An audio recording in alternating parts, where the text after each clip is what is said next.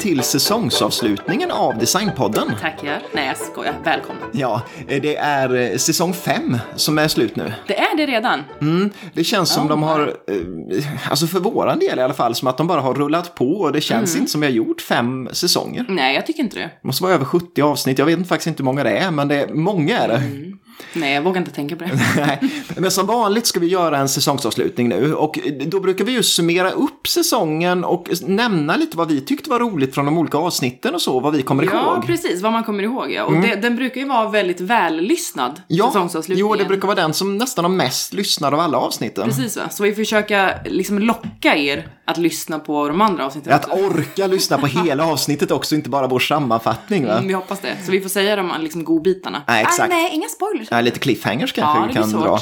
Ja. Ehm, sen så dagen till ära har vi våran hund med oss här också när vi spelar in. Eh, Vi brukar inte ha honom då med för att det kan bli lite störande moment. låter men vi det. tycker att det passar ändå i en sån här lite lättsammare avslutning att ta med honom. Så att hör ni någonting som gnager på ett ben här till exempel i bakgrunden, då är det Sören. Ja, det, han eh, kan låta lite hur som helst. Ja, men, men vi tar och kastar oss in i den här veckans avsnitt. Eh, och vi som pratar heter ju som alltid Sanna och Andreas och ni lyssnar på Designpodden.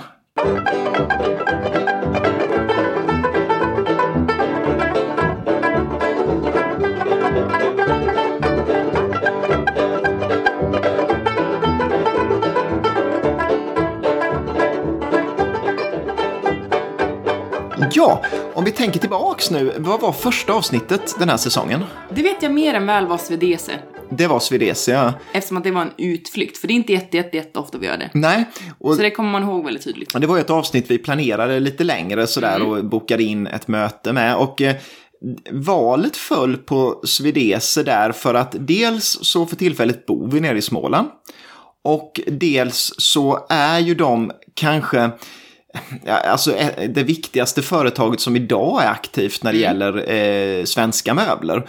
Och vi har ju gjort Det var ju väldigt stora ord. Ja, det, det, jo, det är stora ord och vi, eh, vi har, det finns många andra viktiga företag också. Men, men vi har gjort ett avsnitt om Yngve Ekström Mm. och vi upptäckte att äh, Yngve var ju en väldigt intressant person. Ja, oh, ja, väldigt spännande. Ehm, och då vore det ju roligt att snacka lite med de som idag eh, jobbar på Svedese, Mm, oh ja. driver Svedese och även de då som håller på och tillverkar de här klassiska möblerna. Och vi ska ju erkänna att det var lite själviskt, för vi tycker att det är väldigt kul att se in i olika verkstäder, hur det går till. Jo, men det är så otroligt kul och, det är- eh, och det är det som är mitt största minne ifrån det avsnittet egentligen. Det Mm, ni inte fick se. Vi gjorde lite så här glimtar på Instagram och det, de finns ju naturligtvis fortfarande tillgängliga där att kolla på. Men eh, det är just det där att man fick stå vid maskinerna där de formböjer eh, benställningarna till lamin och, man får förstå, liksom, man, man förstår att det är lamino som växer fram där genom att man ser för varje steg så blir de här träbitarna mer och mer lik Ja. en laminofåtölj. Ja, det var, det var tycker också jättekul. roligast. Absolut jätteroligt. Och sen är det ju alltid sådana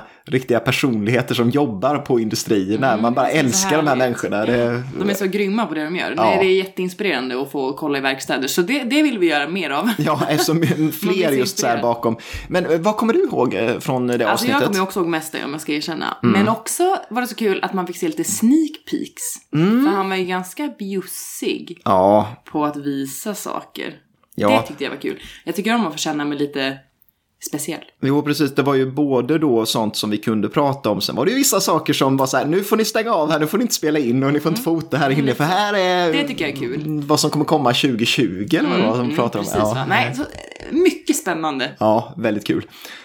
Ehm, jag tyckte att ehm, alltså det som slog mig tydligast, det var det här som vi har pratat om i teori, alltså teoretiskt i många avsnitt, men inte praktiskt. Det vill säga det här kombinationen av hantverk och industri. För att ofta tänker man att det antingen är en snickare som står för hand med ett stämjärn och gör någonting, eller så är det bara automatiserat med robotar. Men Svedese var ett sånt lysande exempel på hur industriproduktionen skedde liksom med, fine, det var vissa robotar, det var väldigt såklart. stora maskiner Ja. och så, men det krävdes fortfarande hantverkare som visste just att ja, den här, det här träslaget kräver 22,5 sekund i, i eh, ugnen för att det ska hålla formen när vi tar Ja, ut det. ja. Alltså, det är sånt där som var väldigt eh, ja, nyttigt om inte annat att förstå just att det krävs, det krävs verkligen kunskap bakom och inte, Mm. det räcker inte att har köpt en dyr maskin liksom, utan du måste ha riktigt bra personal. Ja, nej, jag håller helt med. Så därför så, ja det är ju givetvis, Svedesavsnittet är ett av mina favoritavsnitt från den här säsongen. Ja, av den anledningen just för att det var väldigt roligt för oss också då att få komma ut på fältet och kika. Lite självisk. Eh, men också väldigt trevligt folk att, att prata med. Men jag tycker vi går vidare där för att eh, vi går till eh, andra avsnittet den här säsongen och det var, Gunnar Nylund va? det var Gunnar Nylund. Yes. Och ja, Alltså om jag, bara, om jag bara skulle tänka så här, vad kommer jag ihåg om Gunnar Nylund Mm. så ska jag väl säga att det inte kanske är sådär jättemycket. Varför viskar jag viskar alltid när jag inte riktigt vill erkänna någonting. nej, men alltså Gunnar Nylund, så här. Eh, nej men jag vet inte, för vi, vi hamnade ju ett litet problem med Nylund igen. Eller jag hamnade så här, Jaså? person, alltså när jag tänker på honom så här i Har du ett efterhand. issue med honom? Ja, Jaha. och det är ju att Nylund kopierade väldigt mycket. Ehm, och hamnade ju i konflikt med Gustavsberg främst egentligen. För att eh, Nylund Ja, var ju ja. aktiv på Rörstrand Ja, oh ja. eh, under stora delar av sitt liv. Och eh, han blev ju anklagad av Gustavsberg, av, eh, av KG och av eh, Stig Mm. Lindberg att kopiera deras saker. Och det gjorde han ju också. Om man, om man jämför många av de här modellerna som Nylund tog fram. Jo, visst. Eh, Men sen så är det ju intressant att se att Gunnar Nylund hade ju en väldigt produktiv och väldigt bra period tidigt i karriären. Mm. Där han gjorde stengods som var jättefint och som var bra. Han ville ju också demokratisera det och Mm. nå ut med det och göra det billigare. Så han hade ju bra visioner och tankar. Jo, för där var det också det här med att, att omsätta konsthantverket till eh, Industri. industri. Vi och, har ju haft mycket fokus på det känns Ja, och det det är väl just för att hela modernismen handlade om Jo, det. Just jo, att, att få konsten att hamna i vardagsvarorna i hemmet. Ja. Men sen så lyckades aldrig Nylund att liksom modernisera sig själv utan han fastnade ju lite i den här tidiga stengodset Mm. och hängde inte med i den liksom, smakutvecklingen och i stilutvecklingen och därför var ju hans sena saker egentligen inte särskilt bra om man ska vara ärlig. De kommer inte ihåg ens. Nej, nej, precis, det är ju det. Alltså det var ju så här serieproducerade stengodsgrejer som inte hade utvecklats någonting egentligen Mm. sen det första han gjorde. Och det, och det, ja, det det är ju lite synd, men samtidigt är, visst måste han ju ändå anses vara en av de viktigaste personerna när det gäller svensk eh, keramik. Jo, visst, men han verkar inte ha haft så grym personlighet. Nej, alltså sådana här saker kan inte jag säga egentligen. Men jag läste ju några citat om att han var en väldig diva. Ja, just Och det. tyckte att han var stjärnan Ja. och... eh, Ja, men lite sånt va. Men Mm. uppenbarligen så, så hade han ju någonting. Mm. Och då kan man ju bli lite stöddig. Ja. vet man ju. Men jag vet inte. Kommer inte ihåg han jätteväl. Nej, jag kommer, alltså det, det föremål jag kommer ihåg mest är ju den här eh, fontänen. Mm, som med. är, eh, det är ju svå, två svanödlor. Var Yes. var den någonstans? Var fanns den? Var nere det i Skå- Bromölla? Bromölla var det Eller ja. jag vet inte, Jo, var? Bromölla var det. Eh, det är, den finns ju kvar och det- är en fontän med två Mm. svanödlor. Sådana här stora dinos- på dinosauriernas tid som levde liksom i De här vattnet. stora där. snäckorna också va? Eller? snäckorna. Jo, de är, jo, de är jättefina. Ja. Ehm, och den här, med den här fontänen som, till Bromölla, där hade han väl sagt någonting att det här kommer vara Sveriges största turistmål eller turistattraktion. Så att det visar ju lite på hans Just den här... det. eh, Och så ville han ju också ha ett Nobelpris i, i keramik som han själv skulle vinna. Ah, just det. Ja, just det. Nu Ja, kommer jag på lite det var roliga, roliga Ja, han verkar ju kopplingar kul ändå. Ja, Vi det, ska inte dissa det är roligt med folk som har väldigt eh, höga tankar ju om sig själv. Det är därför vi inte ska dissa så mycket. Nej. För att det gör det ju väldigt kul att läsa. Det, det är väldigt roligt. så det, han var underhållande. Och eh, ja, väldigt så här, kul. Ja, Därför blir avsnittet kul tycker jag. För att Jag det var de här extravaganta citaten och så. Ja, Eh, Men vi går väl vidare till avsnitt tre. det tycker jag. Och vad var det? Då var vi inne på MoMA igen. Då var det MoMA, eh, Museum of Modern Art i Low cost furniture. York. Ja, just det. Ja, jag avbröt det. Ja, i New York. Men Ja. det vet ni redan Ja, Low Cost Furniture-utställningen. Ja. Och orsaken till att vi gjorde det avsnittet hängde väl mycket på att vi gillade ett avsnitt vi hade gjort tidigare som Ja. handlade, handlade också om en utställning på MoMA. Organic design, ja. Ja. Men det är ju härligt att använda gamla källor. Mm. För att det är någonting helt annat. Ja. Och så känns det liksom, ja men mera genuint och inte så här äh, någonting ändrat. Och jag vet inte, det känns som att man litar på det mer. Ja, Och så är det ju härligt att bara läsa eh, precis. gamla källor tycker jag. Precis, och gamla källor, då kan- ska vi ju säga att vi använde en bok som gavs ut i samband med den här utställningen. Var det en hel bok eller var det liksom Ja, det var väl skrift? kanske Men typ den 100 var sidor, från men- eh, för- 48 va? Ja. Eller 49, något Ja. det.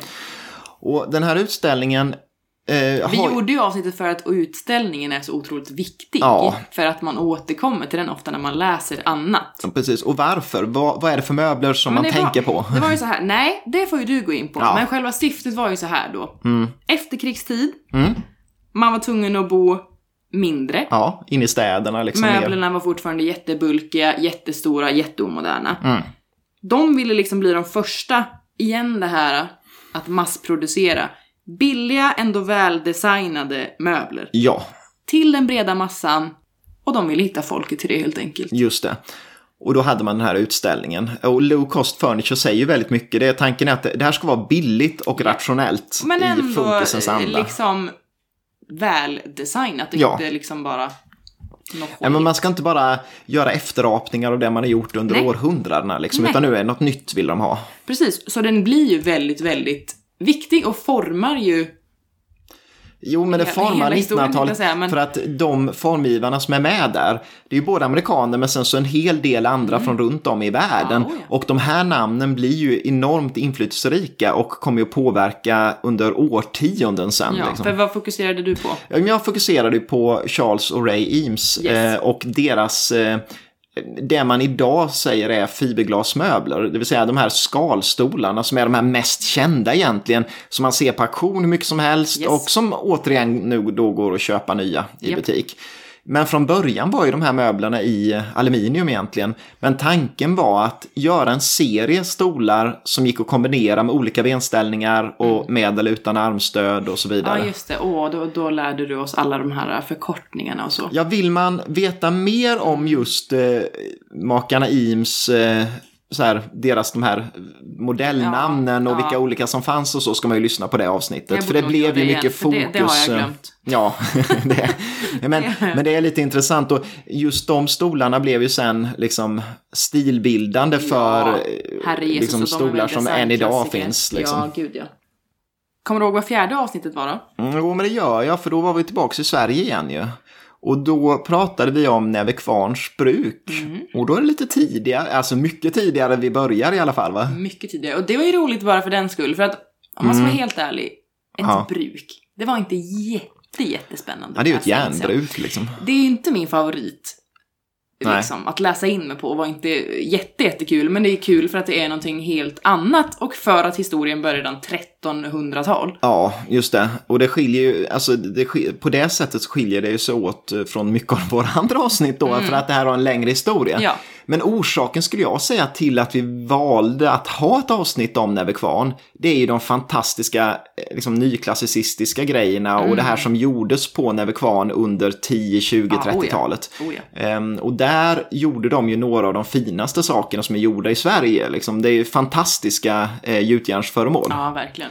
Och Och, som- du vill väl också väldigt gärna betona hur man ser skillnad på fake och real. Ja, just det. Det var ju faktiskt en intressant Eftersom eh, att vi koppling. såg väldigt, väldigt mycket fake när vi jobbade på auktion. Ja, för att eh, merparten av det som dyker upp eh, billigt på auktion Ja. och på, på så här, det är ju kopior av Precis. eh, gamla saker. Och Och vårt vill, syfte är ju alltid att utbilda er så att ni inte köper bara rent skit. jo, att inte bli Rent lurad och köpa kopior som inte är Ja. värda något. Eh, och vill man veta mer om, eh, om just eh, gjutjärn och, och kopior och så ska man ju lyssna på det avsnittet. Mm. Och lyssna på dig i synnerhet, för jag pratar om mycket annat. Ja, du pratar om steglingen av, det var någon... eh, Nej, precis. Ja, du kommer också bara ihåg det eller? Ja. För jag kommer ju nästan bara ihåg det här om Ankarström. Ja, just det, Ankarström som sköt kungen. Ja, alltså, för nu har jag inte förberett så mycket faktiskt. Nej. Så att det här är exakt vad jag kommer ihåg. Och jag kommer inte ihåg hur den här snubben som hade med Näve Kvarn hade med Ankarström. Han var med väl i komplotten. Ja, det var han ja. Och så i alla fall så hämtade de honom från, eh, från eh, Gallbacken där, eller vart han hamnade. Varför? Jo, han begravdes på Galgbacken, alltså Ja, Ankarström, efter att han Precis. eh, avrättades. Släpade kvarlevorna till Näve Kvarn och så begravdes han där istället. Ja, så hans grav lär finnas då Yes. vid Nävekvarn. Ja. ja, och den var väl inte en del kroppen heller, utan Nej, det var var så här massa. ja, ja. gud ja. Man gjorde allt möjligt Ja, det den. är väldigt skumt avsnitt, men Ja. väldigt bra avsnitt tycker jag också. Så lyssna på det. Både och beroende på om man tycker det är roligt. Ja, det är får klart. man erkänna. Ja, det är sant. Sen kommer din farbror va? Sen kommer mitt, mina två då, eller ja, favoritavsnitt då, för de är del 1 och 2. Och det är eh, eh Paul Henningsen. Och det, jag har velat göra ett avsnitt om Paul Henningsen jättelänge. Det har du tjatat om länge. Och jag Alltså var lite sen första säsongen. för att vi hade bara danska källor. Ja, Och jag ansåg mig ändå vara så pass dålig på danska. Men det gick väl helt okej, tycker Ja, jag. jo, och alltså grejen var att vi har letat efter boken Tänd PO-lampens historia. Som eh, en dansk bok som eh, handlar just om PH-lampan mer än om Paul Henningsen egentligen. Men den är en bibel när det kommer till eh, PH-lampor och hur de utvecklades. Oh ja. Och eh, vi har inte fått tag i den för den finns inte i ny tryck någonstans utan man har fått leta. Men nu hittar vi den på eh, bokbörsen. Ja, bokbörsen är bra, det ska ni veta. Ja, en fantastisk källa Det till gamla. Eh, och då hittade vi den i alla fall, va? även om den inte var jättebillig direkt. Men vi hittade men den. värd. Och eh, då kunde vi göra det här och vi kom fram till ganska så direkt att det går inte att göra ett avsnitt om Paul Henningsen. Nej, för att så här va, det är så mycket lampor man behöver prata om. Mm. Men jag tycker ju inte att det är roligast. Nej. Och han är också en otroligt speciell person. Ja, alltså kanske den skummaste och roligaste Mm. människan i dansk eller överhuvudtaget i formgivningsvärlden. Ja, alltså, han är så... det. Alltså jag sammanfattade vad, Ja. han, vad han var, alla olika Ja. Mm. saker han var genom livet. För det var ju då inte ens nästan bara lampor, Nej, nej, nej. han var ju en mångsysslare liksom. Ja. knappt att beskriva. Men han var då journalist, Mm. arkitekt, redaktör för den här egna tidningen Mm. Kritisk Revy. Och den var ju då radikal och han var folkbildande i den. Mm. Han var revyförfattare, filmskapare, lite andra grejer och så blev han medlem i Danska Akademin och så eh, liksom, det bara goes on and on. Det där var liksom bara lite små ut... Ja, alltså jag tror inte att det är det jag tycker är det roligaste. Att Ja, alla de här, alla människor som, för jag menar hur många har inte en PO5-lampa över köksbordet liksom? Ja, hur många alltså det finns ju överallt. Men jag tror att det är nästan ingen av dem som, som känner till hur, vilken intressant människa som har ritat deras lampa. Nej, jag gjorde inte heller det. Du har ju berättat lite grann för mig, kommer ihåg innan, men Mm. jag visste ju inte att han var en sån. Nej, men just hans, eh, jag tycker att, att just att han eh, har hela tiden varit i opposition i hela sitt liv. Ja, va? oh ja, oh ja. Ehm, det Han var ju tycker jag är int- radikal i allting. Ja, han var radikal innan, krig, innan andra världskriget och han var radikal under andra världskriget. Ja. Trots att eh, Danmark var ockuperat av Ja. Mm. eh, tyskarna så satte han sig i opposition mot tyskarna. Flydde till Sverige då. Va? Men sen så efter kriget så var han radikal eftersom han anklagade motståndsrörelsen för att gå för hårt åt de som hade varit nazister under kriget. För han menar att det är samma metoder att börja avrätta dem liksom, efter kriget. Så, så att han, han, har liksom, han vågade alltid vara Alltid, radikal och ja. gå sin egen väg. Oh ja. Och det är väldigt intressant Ja. eh, tycker jag. Jag med. Ni förstår ju varför ni måste lyssna. Ja, det här, de båda I avsnitten. alla fall på del 1. Alltså ja. del 2, då ska man ju vara intresserad av, Av lamporna. lampor. Annars är det inte jättemycket att lyssna Jo, på. för det är så man kan säga att första avsnittet handlar i huvudsak om Paul Honom som Henningsen person. som person och hans tidiga lampor. Och det är Ja. kanske lite, då blir det ju kopplat mer till honom som människa. Men sen är det all in i avsnitt Det är två. bara lampor. Ja, så det är bara tycker ni det är lampor. tråkigt, då kommer det inte vara live. Fast i ärlighetens namn, de som inte hört det har ändå funderat på de här olika så här PH3, 2 Ja, alltså och så här, vad man betyder det och så vidare. Men om och man då inte får man veta. det är kul så kommer det vara jättejobbigt. Ja. Nej men det var, det var faktiskt också väldigt intressant. Ja, Jag har ju lite svårt att hålla fokus länge när du, när du pratar på, så jag kan ha glömt Ja. igen vad det där lite grann betyder. Så jag måste också lyssna om där. jag. Jag kommer i alla fall ihåg mina favoritmodeller. ja, det var det jag tänkte fråga om. Mm, det var För den första jag ja. pratade om som var Septima. Ja, Visst var den, jo precis, jag kommer ihåg hur den ser ut men det är svårt att förklara väl. Eller, den var liksom randig. just det. Vissa, eller varannan rand var så här, vad ska man kalla det? Ja, den var ju behandlad med någon form av eh, teknik så att den blir matt va? Exakt. Så den var liksom matt, Den har ju- klar, matt, klar. Ja, den har ju mängder med glaslameller helt enkelt. Så, eller ringar Ja. ska man väl kalla dem då egentligen. Skitcool. Mm. Och så kommer jag ihåg den sista jag pratade om, så jag kommer ihåg den första och sista, jag vet inte om det är minnet. Men den sista är kontrastlampan. Ja. Min favvo. ja, och den är ju väldigt trevlig. Som man man kan få varmt och kallt ljus i beroende Mm. på. Skitkul. Och extremt avancerad tydligen att tillverka också. Så att, eh, Dyr. Ja, Henningsen sa något att den kostar lika mycket som ett eh, silverbröllop eller vad han? Det han sa. Ja, han sa- ja, oj då. jag kommer Vad inte kommer ihåg. du ihåg då? Jo, men, jag kommer ihåg att jag äntligen redde ut vad alla modellnamn betyder. För att Mm. jag tycker att jag har aldrig faktiskt, om jag ska vara helt ärlig, fattat eh, just det här, om man säger så här, PH43. Vad är Men det? vänta, vänta, låt mig tänka. Ja, Någonting med diameter och Mm. hur många, hur många... Nej, eller ja, Nej. diameter stämmer. Men eh, nu, får man ju lyssna på avsnittet för att förstå det här Ja, men helt. spoila inte då. Men jag, jo, jag kan ju spoila bara att du har rätt i diametern. För 4 i 4,3 betyder att den är 40. 4 decimeter i Ja, diameter. precis. Men vad var... Att den tillhör en... Ja, att, att äh, tre betyder... Ja, det, det här ska jag inte förklara ens nu för det är för långt att förklara. Ja, nej, Men ni är jättenyfikna så ni kommer lyssna nu om ni Ja, inte jag hört avsnittet tycker Ja, jag. Ja. Kommer du ihåg vad som var om kugeln var kotten eller koglen? Nej, kugeln va? Eh, Eller koglen? koglen är väl eh, Jaha, kotte det hade jag. Ja, och kugeln är kulan. Ja, just det. Ja. Min danska är ju så. Ja, det, det är lite förvirrande Ja, ibland. det var sånt lite. där. Men det, den är inte min favorit längre. Nej, jag har alltid nej. besatt av kotten förut, men Mm, ja, men nu är det mer eh, egentligen... Eh, det går över. ja, Man hittar andra favorit. ja. Och då lämnar vi Danmark bakom oss va? Och går Mm. vidare till nästa avsnitt. Eh, och vad var det? Men det börjar ta slut redan va? Mm. Är vi redan på Gocken och Lisbeth Jobs? Ja, Det är vi. eh, och det var ju trevligt att göra ett avsnitt om Jobs ju. Jag såg ju den här boken som vi använde oss av Mm. och kände ju genast att vi var tvungna att köpa den och göra ett avsnitt. Ja, och det där var ju en... Eh, det är, alltså när man väl fick hem boken, vi beställde den på någon nät, eh, liksom bokhandel. Ja, det sådär. var väl någon standard. Ja, och eh, när man bara plockar upp den, så vissa böcker så blir man inte så glad över utan man ser bara att ja, det var en bok så här, då måste vi läsa den. Men den här blir man ju glad bara att se, va? för Ja, att den den är är, så- eh, omslaget har Jobs textil på sig och det är jättetrevligt upplagt och välskriven liksom. Texten är lite såhär metallic, alltså det är någonting, nu låter vi jättesmörig men den är verkligen sjukt fin. Ja. Och den är ju lika bra på insidan också men det är ju Ja. ändå, man blir imponerad Ja. som satan av utsidan. Eh, och sen blir man ju väldigt imponerad av eh, främst då de här båda systrarna, eh, givetvis. Men Eh, jag vill ju gärna ge mer cred till Lisbeth än, än Gocken. Mm. Ja. Man vill inte vara sån, men jag kollade ju lite på auktionsklubbslag och så. Mm, Det stod ju Gocken ofta fast det inte är så.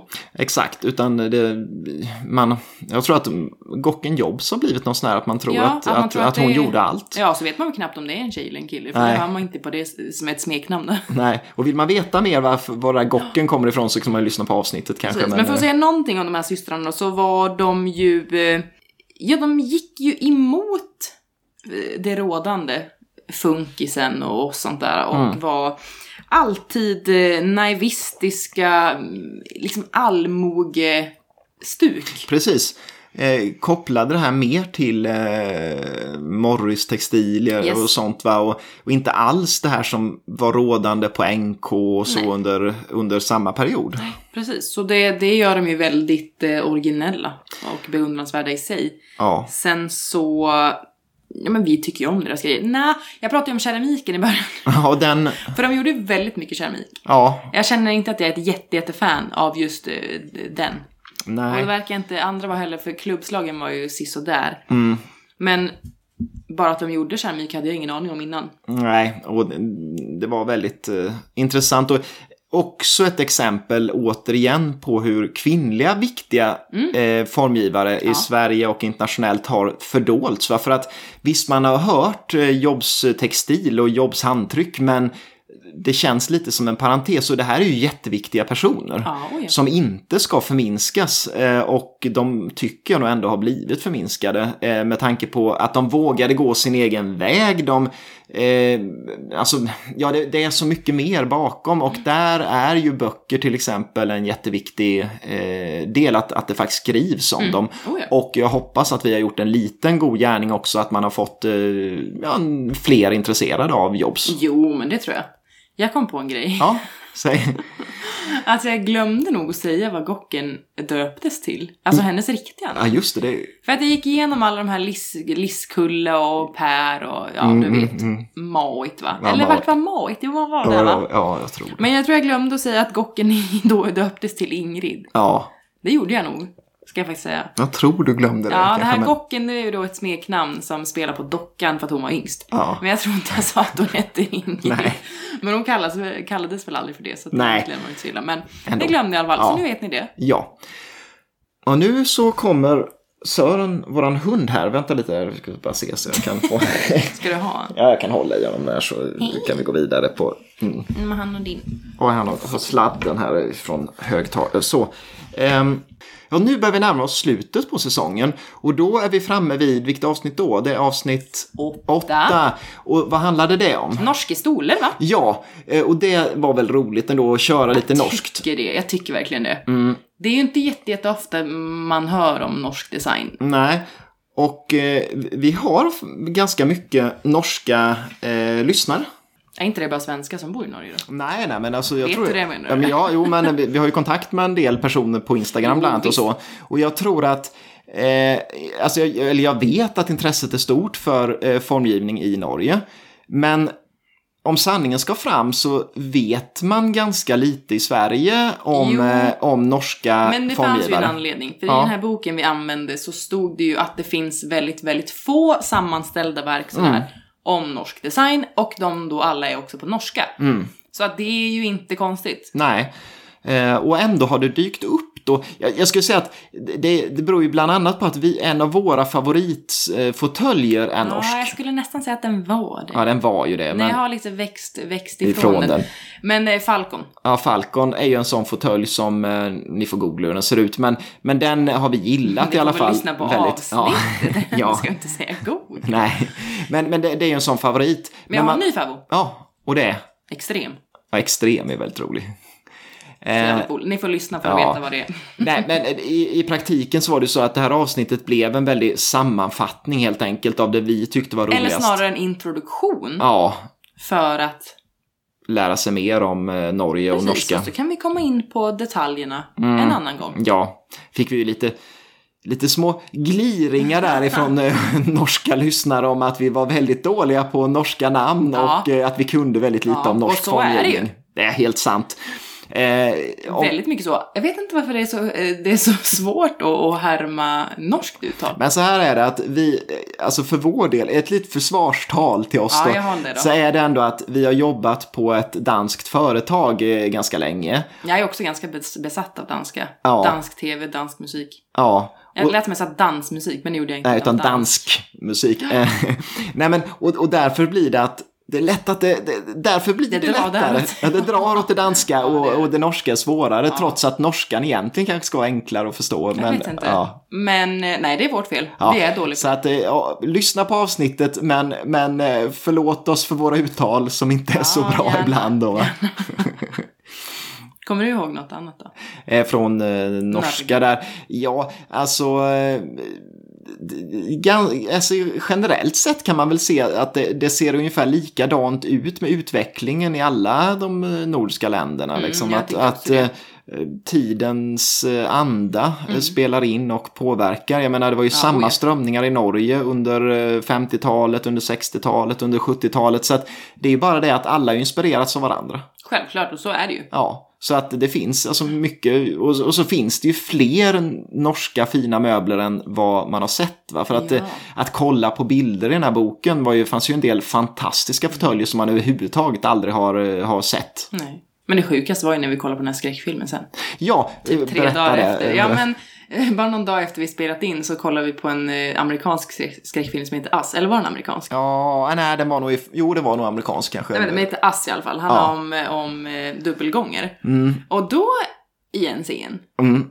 så såg vi en stol. Vi bara, det där är ju den här norska stolen. Ja, det var den här Siesta som, är, som är en böjträstol från Norge. Då fanns den med där i... Ja, eh, jättetydligt i bakgrunden. Aldrig tänkt på, på norsk design innan i amerikansk tv. Det kanske finns ofta. ja, Men det var ganska komiskt. Att vi så snabbt såg en Det norsk design. Det var typ bara några dagar Ja, senare från avsnittet. Oh, ja. Nej men, men om inte annat så var det nyttigt för oss att faktiskt Ja, sikta lite mot Norge också, inte bara mot eh, Danmark. Det tycker jag. Och nu är vi väl framme till det sista avsnittet av eh, den här säsongen. Och det var ju ett, också ett lite annorlunda, för också ett besök. Och det var ju då CITES. Mm, på Jordbruksverket. Ja. Och det, det avsnittet grundade sig i den frågan som var den vanligaste frågan vi fick när vi jobbade på auktion. Och vad var det? Alltså det var ju kanske i alla fall en gång om dagen. Mm.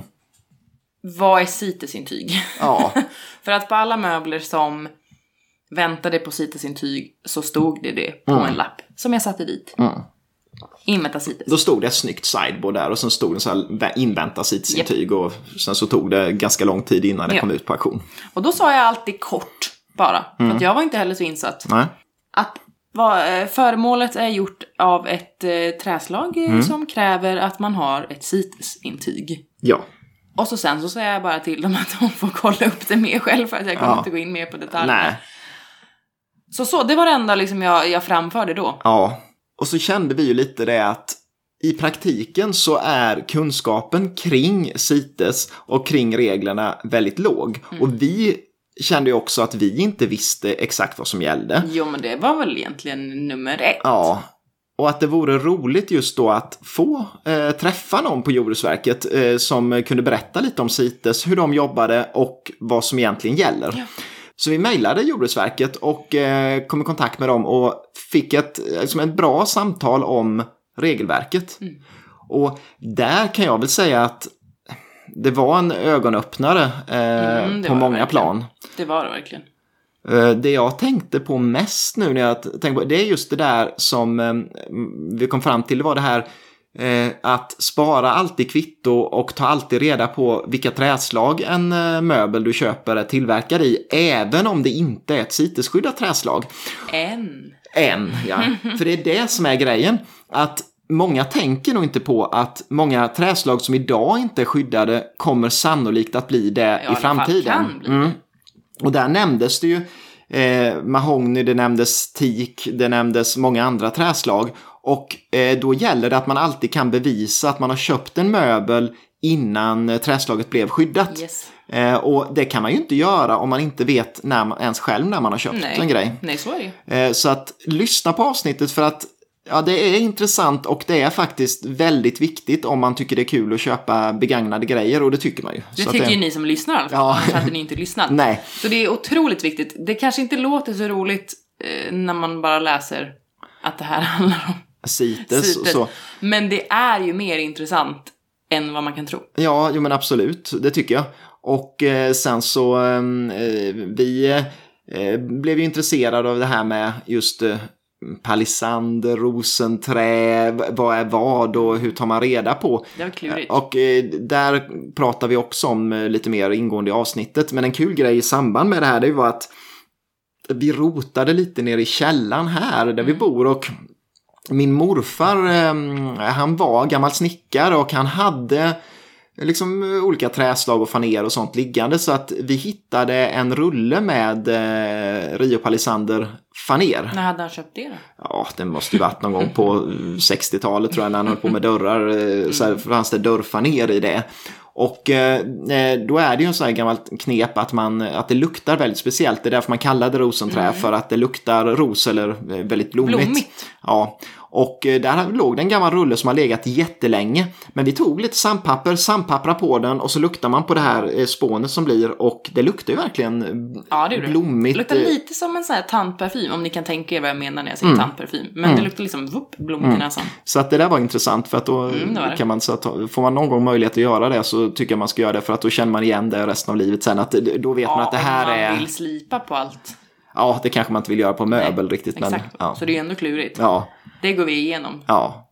Men eh, i och med det avsnittet så tycker jag att vi gjorde en lite, en bra blandning va, den här säsongen.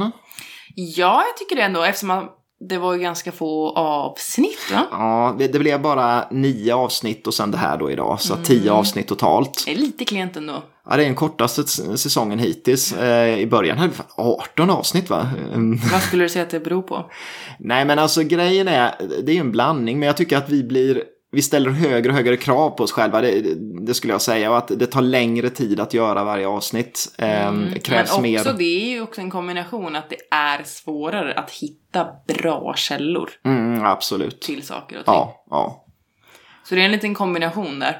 Mm, och eh, då kommer vi osökt in på det där att vi blir alltid jätteglada när eh, folk hör av sig om Mm. förslag på ämnen, men vi blir ännu gladare om man hör av sig om förslag på bra böcker eller Personer. personer att intervjua. Eller, mm, eller om man själv vill vara med. Det har ju också folk hört av sig om och, och det är jättekul för att då kan vi ju hitta sånt som vi kanske inte har Mm. tänkt på men som är jättebra ämnen. Ja, och vi vill ju göra mer intervjuer. Mm. För att det är roligare. Vi tycker det och jag hoppas att ni tycker det också. Det att, tror jag. Ja. Ehm, så att hör jättegärna av er. Hur, hur hör man av sig på bästa sätt tycker du? Det gäller bara mejla. Ja, till. Designpodden är gmail.com. Ja, och sen så är det ju smidigt att höra av sig till oss via Instagram också. Ja, du kollar ju slaviskt där, så det, det tycker jag ni Ja, bör så skicka meddelanden där också så eh, kollar vi jättegärna det. göra det. Ehm, och annars så rundar vi faktiskt av Ja. säsong 5 av Vi är Designpodden. nöjda. Vi är nöjda, hoppas, Hoppas ni är är. nöjda. Och eh, vi kommer tillbaks till hösten igen. Eh, och eh, under tiden får ni ha en jättebra sommar och följ oss på Instagram för där kommer vi ju fortsätta lägga ut bilder förstås som vanligt. Varje dag. Nej, jag kan inte lova varje dag. Jag, alltså, jag, vi, Lova inte det. vi har ju försökt men, men nu kan vi nog inte lova det riktigt att det är varje We'll dag. Va? Vi får se. Ja, ha det så bra så länge. Ha det fint! Hej!